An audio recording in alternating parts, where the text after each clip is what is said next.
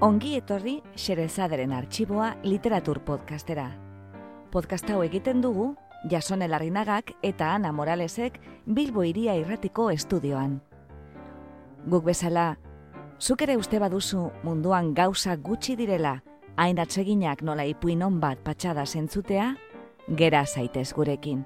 Eta prestatu munduko kontakizunik bikainenak euskaraz entzuteko.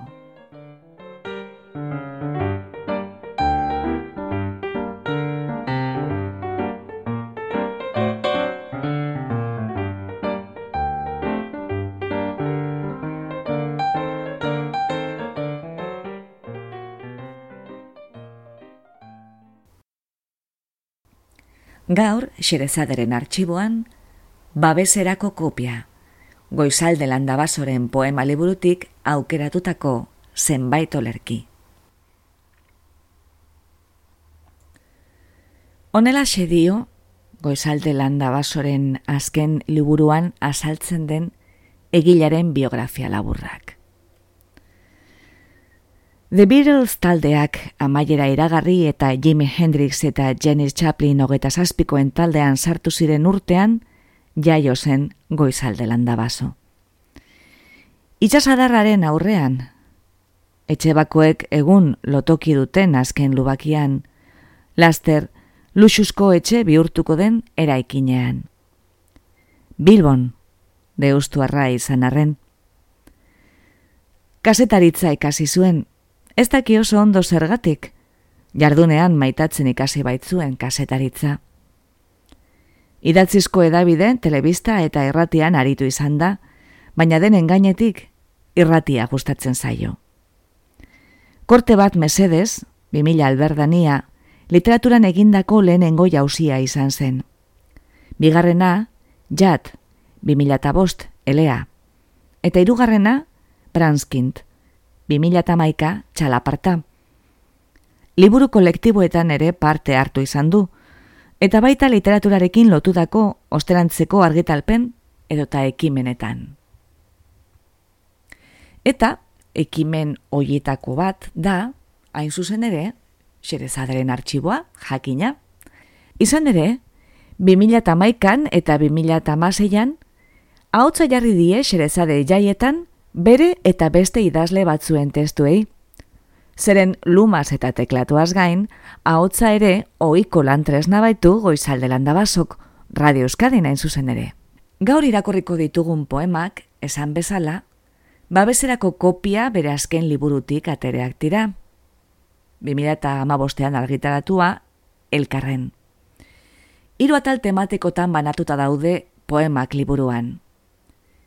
Izan, izenekoa, identitate gaiak jorratzen dituena, odola deritzona, gorputza eta sensualitatea izpide dituena, eta denbora izenekoa, oroimen astura binomioaren eta eriotzaren ingurukoa.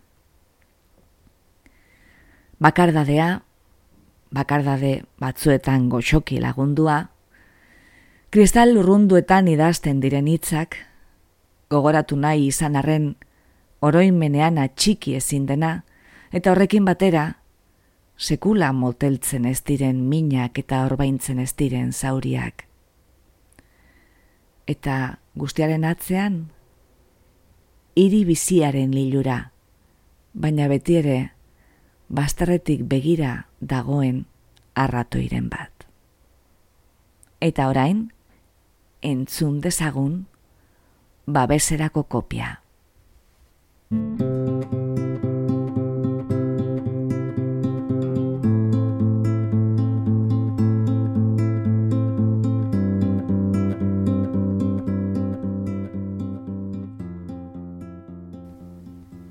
Beldur zerrenda bat.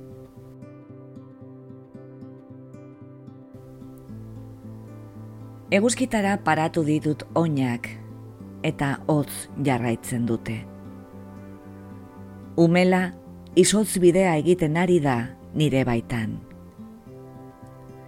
Inoiz ez dizut esan beldorna ezela, iluna datorrenean, euripean, edo ondartzetako abandonuen.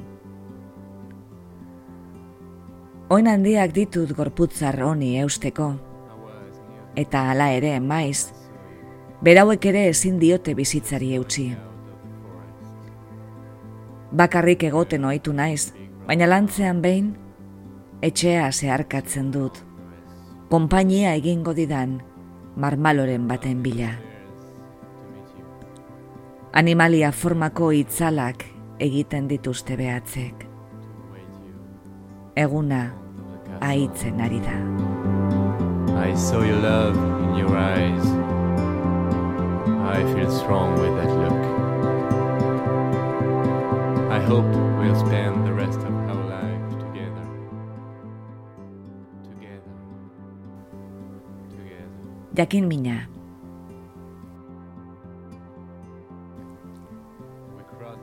drogatokiaren atariko umelean jesarrita dagoen gizonak, zerekin egiten du amets, xiringekin, ala kafe beroarekin.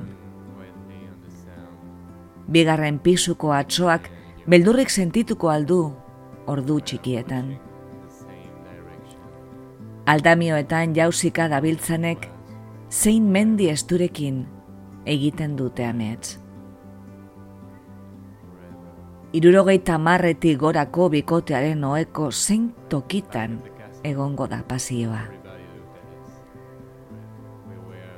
Hegazkin bidaiariek non emango dute gau hotz hau. Great our meeting. Organized. Ume txikiaren ametsetan mamurik zitalena zein den imagina dezakete gurasoek bizitzaren ustasunak benetan bete litezke. A night we shared together. Desorduotan esna dagoen beste norbaitek pentsatzen aldu mundua handiegia dela, bakardadeak ordinegia. Eta poema bat izan litekeela geratzen zaigun itxaropen bakarra.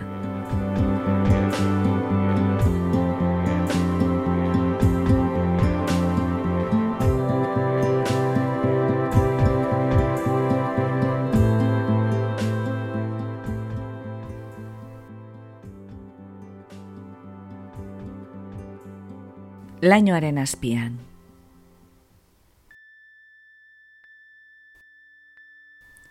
Gandua. Egunak gaza jantzi du. Mundua desagertu da. Itxasoa entzuten dut han, urrunean. Lambroa atepetik sartzen da, espazio oro betez inbazioa da. Ezerezaren erdian, berde deigarriko elastikoa.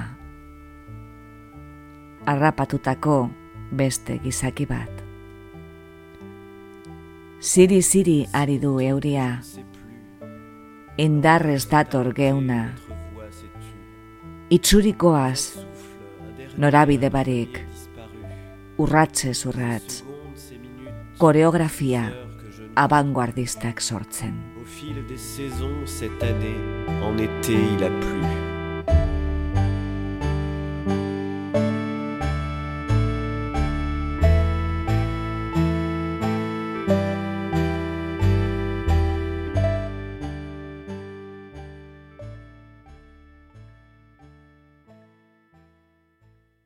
Gustatzen zait.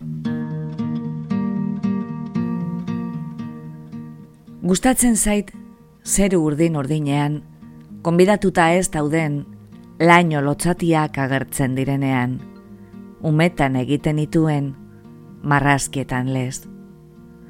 Iparreko aize leunari aurrez aurre begiratu eta arpegia gozarazten didanean.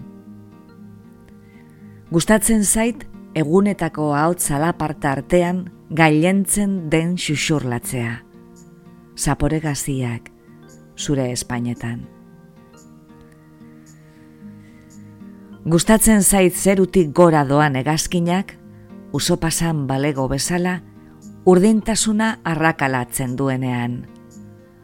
Itxasoak eguzkiari begiratu, eta eguzkiak itxas gainean, urrezko konkorrak erakutsiz dirdir egiten duenean. Gustatzen zait. Egun buruz horietan, desokupatutako edo zein ondartzatan, okupazioa gauzatzea.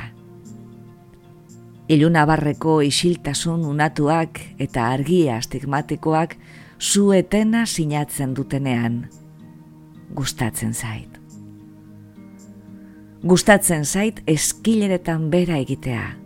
Amaierarik ez duten osteratxoak, sokasaltoak, kafe egin berria, oinutzik ibiltzea. Gustatzen zait. Oinazpia minduko ez didan lurraldean barrena, ortosik, munduaren gaineko zampa-zampa. Olgatze geometriko auskalokoan sorturiko gerizpeak babes ematen didanean. Gustatzen zait.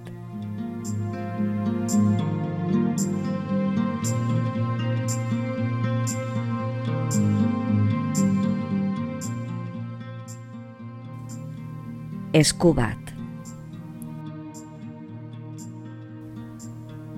Erditik egiten duen pitzadura hori, bizitzaren marra. Eternitatea bezain luzea. Mutur batean hasi eta beste muturrean amaituko da. Sigi zagadoa lerroa, bizitzalez, une batzuetan sakonago, besteetan aldiz, sakonegi. Basterretako marrak, utzitako zidorrak. Inoiz hartutako okerrak, eta deskubrituko ez diren aukera galduak. Aukera utziak, ez ezagunak. Mendiskak posuneak dira, minak bezain beste. Esku elkorra da, biurria eta amultzua. Edo zein gorputz marraz dezake esku honek. Bularrak, bizkarrak, silborrak. Gustatzen zaizkio luzerak, zabalerak eta ondamendi naturalak. Gustatzen zaizkio korapiloak, orinak eta hilea han, urrunean, atzamarrak. Bost. Jostariak eta borrokalariak. Gorago, atzasalak. Edo zein eskuk behar duen tontorra. Tarteko arraiak, iraganeko orbainak tira. Bizikleta eroriko eta lesio ondarrak. Hau duzu nira eskua.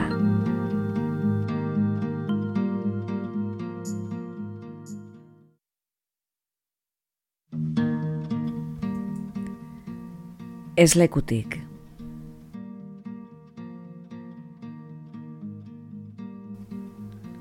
Arrotz itzarri naiz gaur. Zurea ez den noe batean esnatu zaitezken bezain urrun. Burua altxatu Eta ingurura begiratu dut neure baitan zerbaiten xerka. Neu egiten nauen edo zeren bila. Mesanotxea, tiraderak, kuadro hori, liburua, aulkia. Nireak dira, antza. Ez ditut, ordea, neure sentitzen. Zentzazio deserosoa da, lekuz kanporatzen zaituen hau. Zukaldea ere beste norbaitena iruditu zait. Eta ez dut azukrea aurkitu. Ura hartu dut. Begiak zerratu eta edan egin dut. Begiak zabaltzerakoan, puzlean dagokidan kokagunean nengoela, pentsatu dut. Baina ez, lekuz kanpo jarraitzen dut.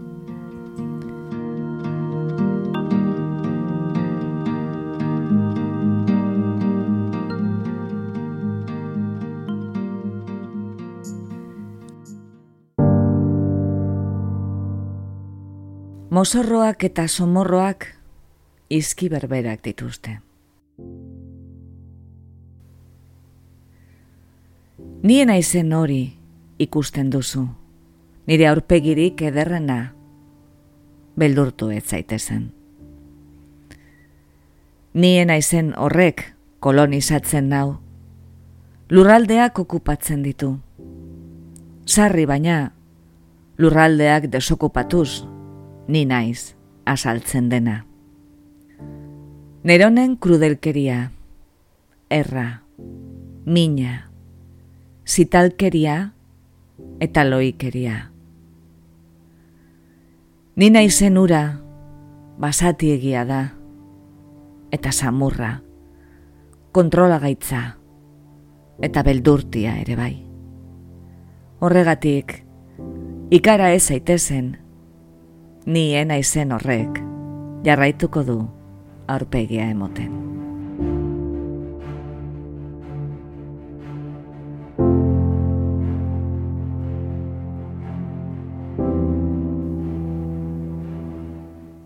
Crusoe.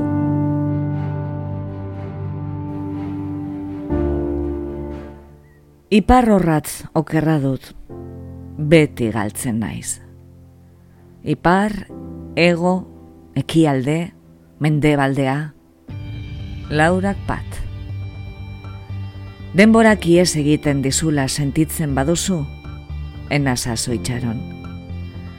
Nora ezak harrapatuko nau, enbatak, ezin egonak, apokalipsiak.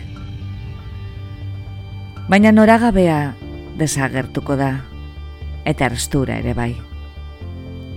Gerra zauriak osatuta, munduaren azken muturretik agertuko naiz.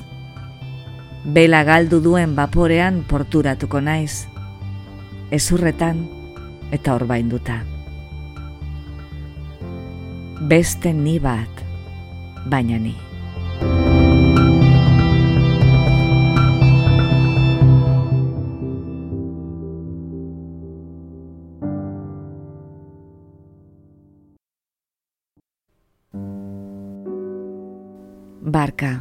Bakarda de, barka.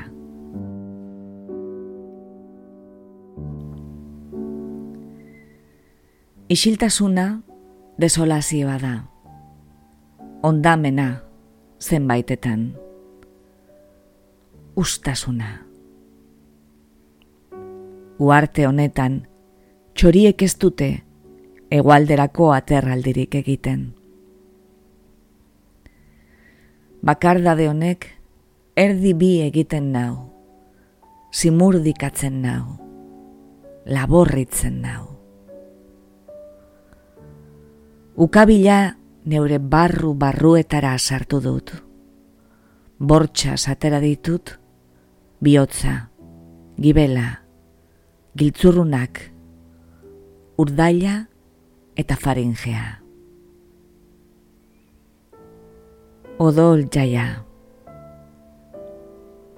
Mina ez da joan. Urak gelditu dira. Leioak zabalik jarraitzen du. Eta zaiak ere ez datoz.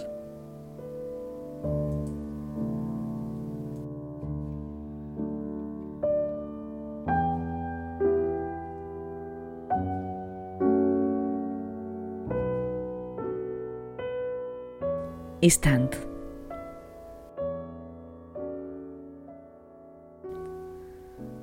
Inok ez daki hemen gaudela. Ez ezagun bi, iria bat, ez usteak batuak, izenik ez didazu eman nahi, zertarako. Eskutatzen nauten ni guztiak erantzi ditut, bihar ena oroituko. Gauak umel usaina du, eta astiro moropildu zaizkigu gorputzak. Bihar, oihartzun baino izango ez diren bakardadeak.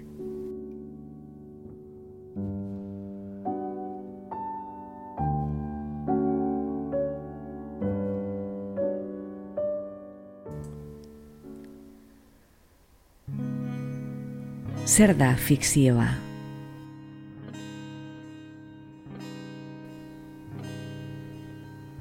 Erdu.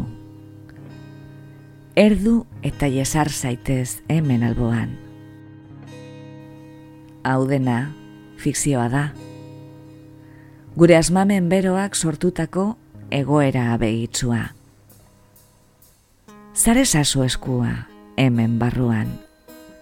Egon zaitez hor. Hor. Betiko irango duen minutuak besterik ez. Itxas gora bilaka zaitez, joan eta etorri. Etorri eta joan. Umela senti dezakezu. Zabalitzazu begiak. Eman iesazkidazu, eman diezazkizudan. Osa dezagun engranaje imperfektua sukarrean gora eta gora egin dezagun. Hau, ez da fikzioa. Edo bai.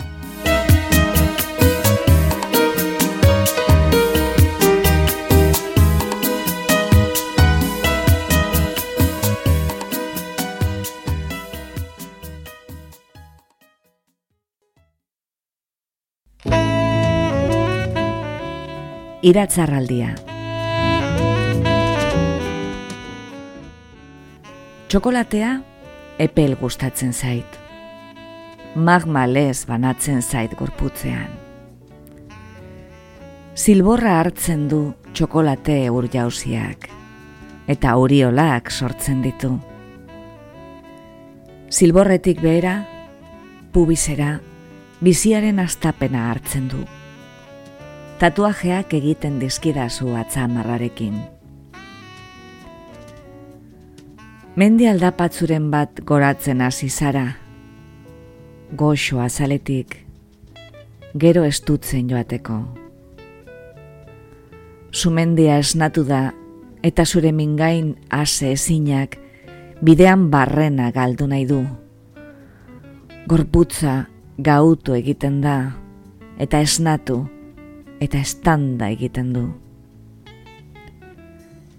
Idunera erbesteratu nahi duzu, belarri hartu duzu ostatu, eta xuxurlatzeari ekin diozu. Sumendia gori, magma edatzen ari da, eta ni eguzki bilakatu naiz.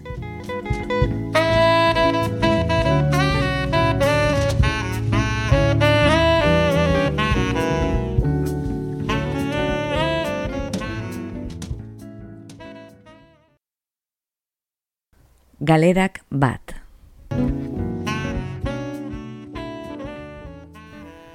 Olga dezagun galtzera. Soineko askatu eta galduko ditut lotsa guztiak. Oinetakoak kendu ala galtza zuzuk hasierako beldurra. Zapatak emeki emeki kentzean galduko ditut esitzen nauten keria denak galitza zuaztiro zuzaren horiek guztiak eta alkandora lurrera ezazu. Altura gaitzari gailenduko natzaio eta zure hormatik gora egiteko gertunago.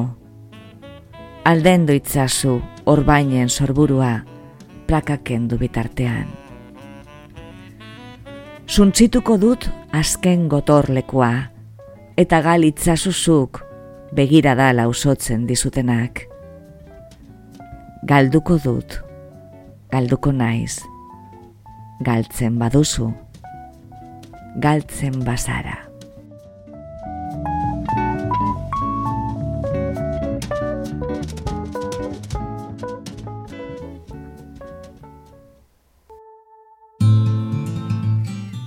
Sekuentzia klau.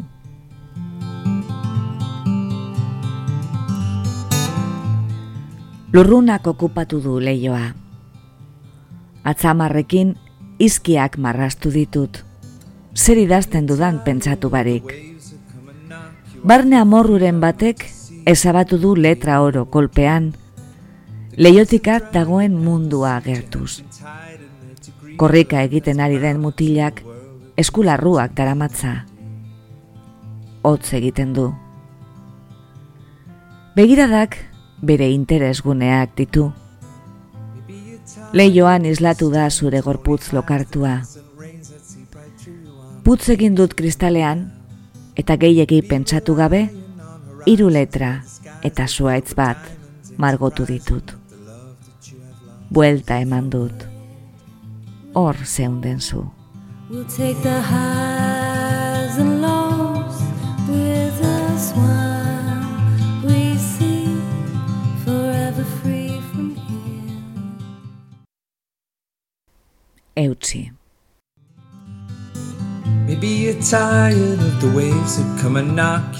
Ondarrak ez du bizitariaren beharrik. Bizitaria, ostera, adikzio ezagunen bat garatzear dago. Itxasoak sentimetroka alde egiten dio, eta, hala ere, segika dioakio.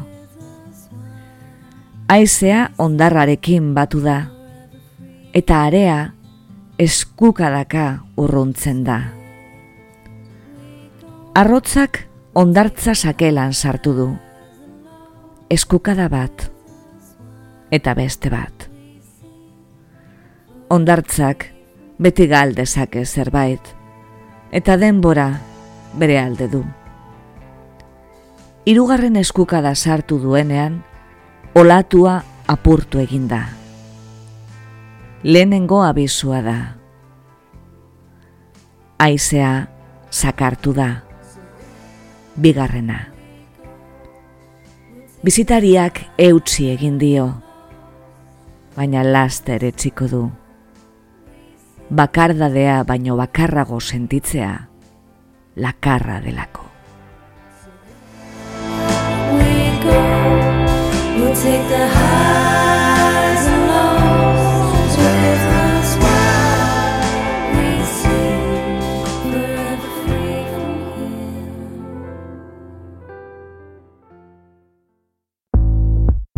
Inoiz.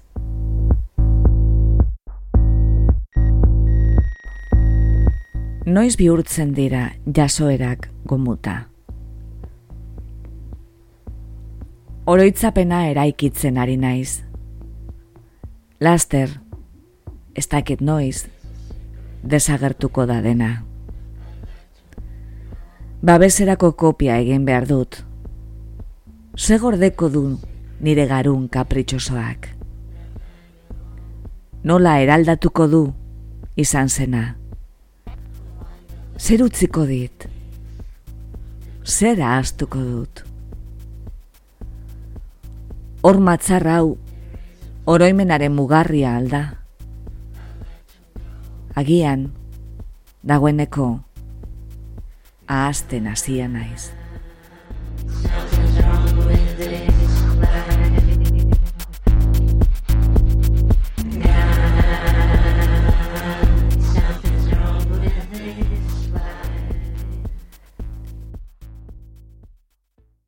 Gela barruak.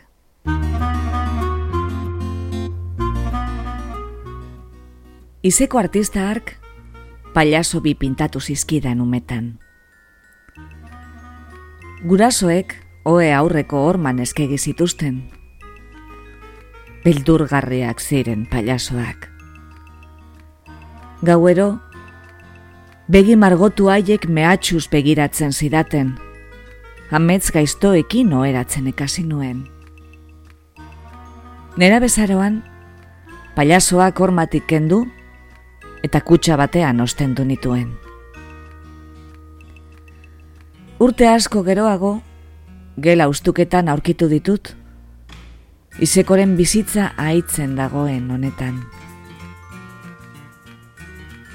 Eta ez dakit zer egin pailazoekin.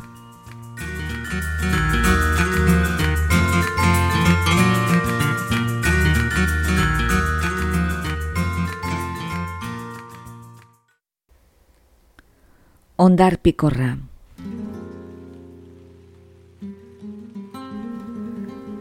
Ondarrezko andrakila garela konturatu naiz gaur. Besarkatu zaitu danean, bapatean, hauts bilakatu zara, area erloju bat lez. Pikorrak baino ez daude arrezkero. Joan zara. Galtzaile sentiarazi nau. Zapatetan bizitza arrastaka daraman agure ura bezala. Supermerkatuko kutxan ordaindu ezinean jakiak usten dituenaren antzera. Ondarrezkoak kara eta santzuak usten ditugu han eta hemen. Ez dugulako joan nahi. Gurea den zerbait utzi nahi dugulako. Existentzia aize putzada batek eraman dezakeela onartzeko gai eskarelako. Eternitatean sinesten dugulako oraindik ere. Gaur kalerdian ondarapurra ikusi dut.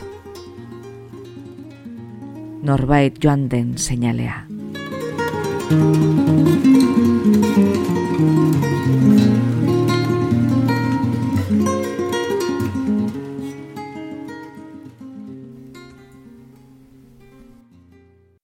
Euria.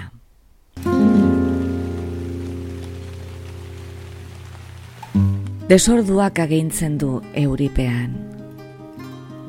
Soinu bandan tantakadak kailentzen dira. Ahateak mokoan sentitu du tanta bombaketa. Nik, berriz, etxe alboko orman inkatu duten hileta oharrean. hildakoaren argazkia urtzen ari da. Eta nik soilik gogoratzen dut, beinola, etxeko atarira lagundu nuela.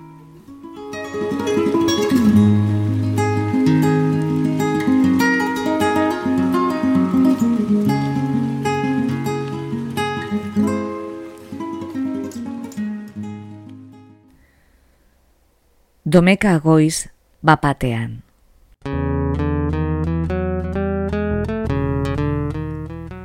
Eguzkiak itsutu dizkit begiak.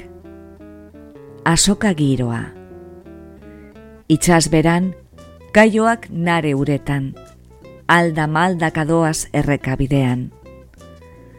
Aize bufadak goratu dit gona. Kantoiari buelta eman diot. Semaforoa berde, itzu kupoi saltzaileak jai du. Turistak, zabaiak, eraikinak, dendak, elizak, kaletako plaka eta kaleen ezurdurak aztertzen dituzte. Klik, klik eta klik. Nire burua aurkitu dut beraiengan. Jinkana antolatu dute auzoan eta parte hartzaileak gau txoriekin nahaztu dira. Edonon nago, edonorengan. Iriak beste usain batu, perfektua dirudi. Baina orduan, erreka bazterreko arratoia begira gelditu zait. Eta nik naska sentitu dut.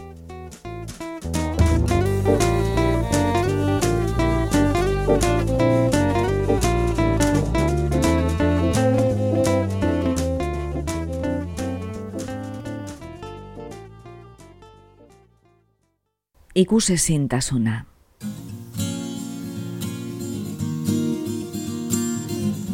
Trenaren geldialdiaren ostean aurrean jesarri da.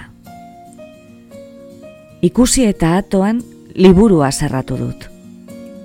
Ez dit begiratu. Ikusezin izan naiz berarentzat. Bera beti metro bat arago. Isila zen, eta ez zuen barrerik egiten. Inoiz ez nuen bere izenik jakin. Leiotik begira geratu da. Orduan bezala. Urrun. Zerbait esateko tentatuta egon naiz, bere ahotsa entzuteko. Baina liburua zabaldu eta sortzigarren kapituluarekin jarraitu dut.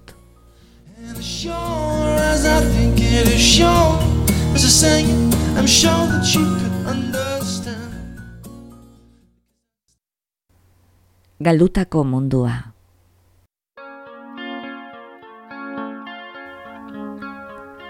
Gako barik ez dago sartzerik. Ate osteko mundu miresgarria galasota daukat dagoeneko. Jada, enaiz alizia. Kitxo, karraju desorekatuan sokasaltoan ibiltzea. Oinek, asteari utzi diote, eta honezkero, ez dira eskailera maila estuetan sartzen. Akabo egurraren intziriak, gau hotz eta ilunetan. Finito, misterioak. Giltzarik ez. Nori kontatuko diot, badela goiko pisuko eskumaldean, Aliziaren sekretua gordetzen duen gela urrun bat. Imagina dezaket katutzar zaharraren begirada mesfidatia, lastoak estalitako bearen gainean. Irudika ditzaket itoginak odiei kantari, duduba, duduba, eta umelaren usaina. Ametsak sartatzen zituzten zaguzarrak, koskos egin barik, gela barruetara sartzen ziren espirituak. Hori baino espaitzait geratzen. Dagoeneko, en naiz, Alicia.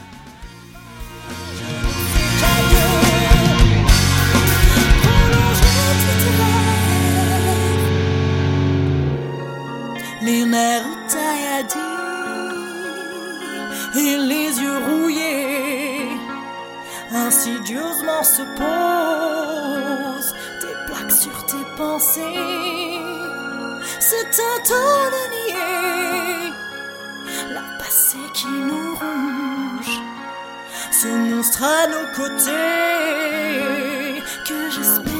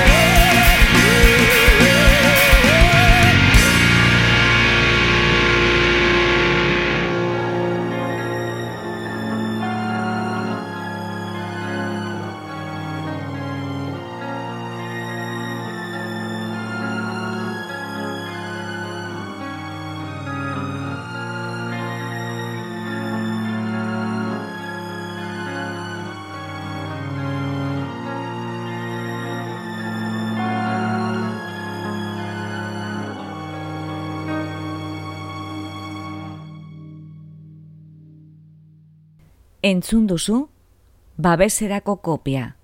Egilea, goizalde landabaso.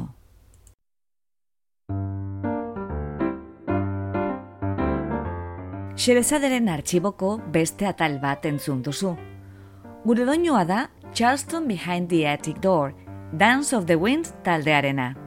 Besterik adirazi ezean, gure atalei jartzen dizkiegun musikak jamendo.cometik hartuak dira, eta soinu efektuak berriz freesound.org-tik ateratakoak.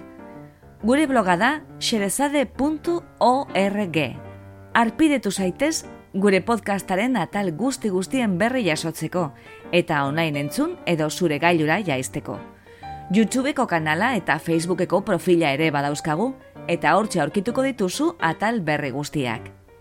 Utzi iruzkina eta esan segurako zeneuken entzun. Xerezaderen artxiboa egiten dugu, Jasone Larrinagak eta Ana Moralesek mungian eta leioan, Bilbo iria irratiaren babes eta maitasunarekin. Gurekin gustora egon bazara, erdu urrengo batean berriz ere, Xerezaderen artxibora. Laster arte!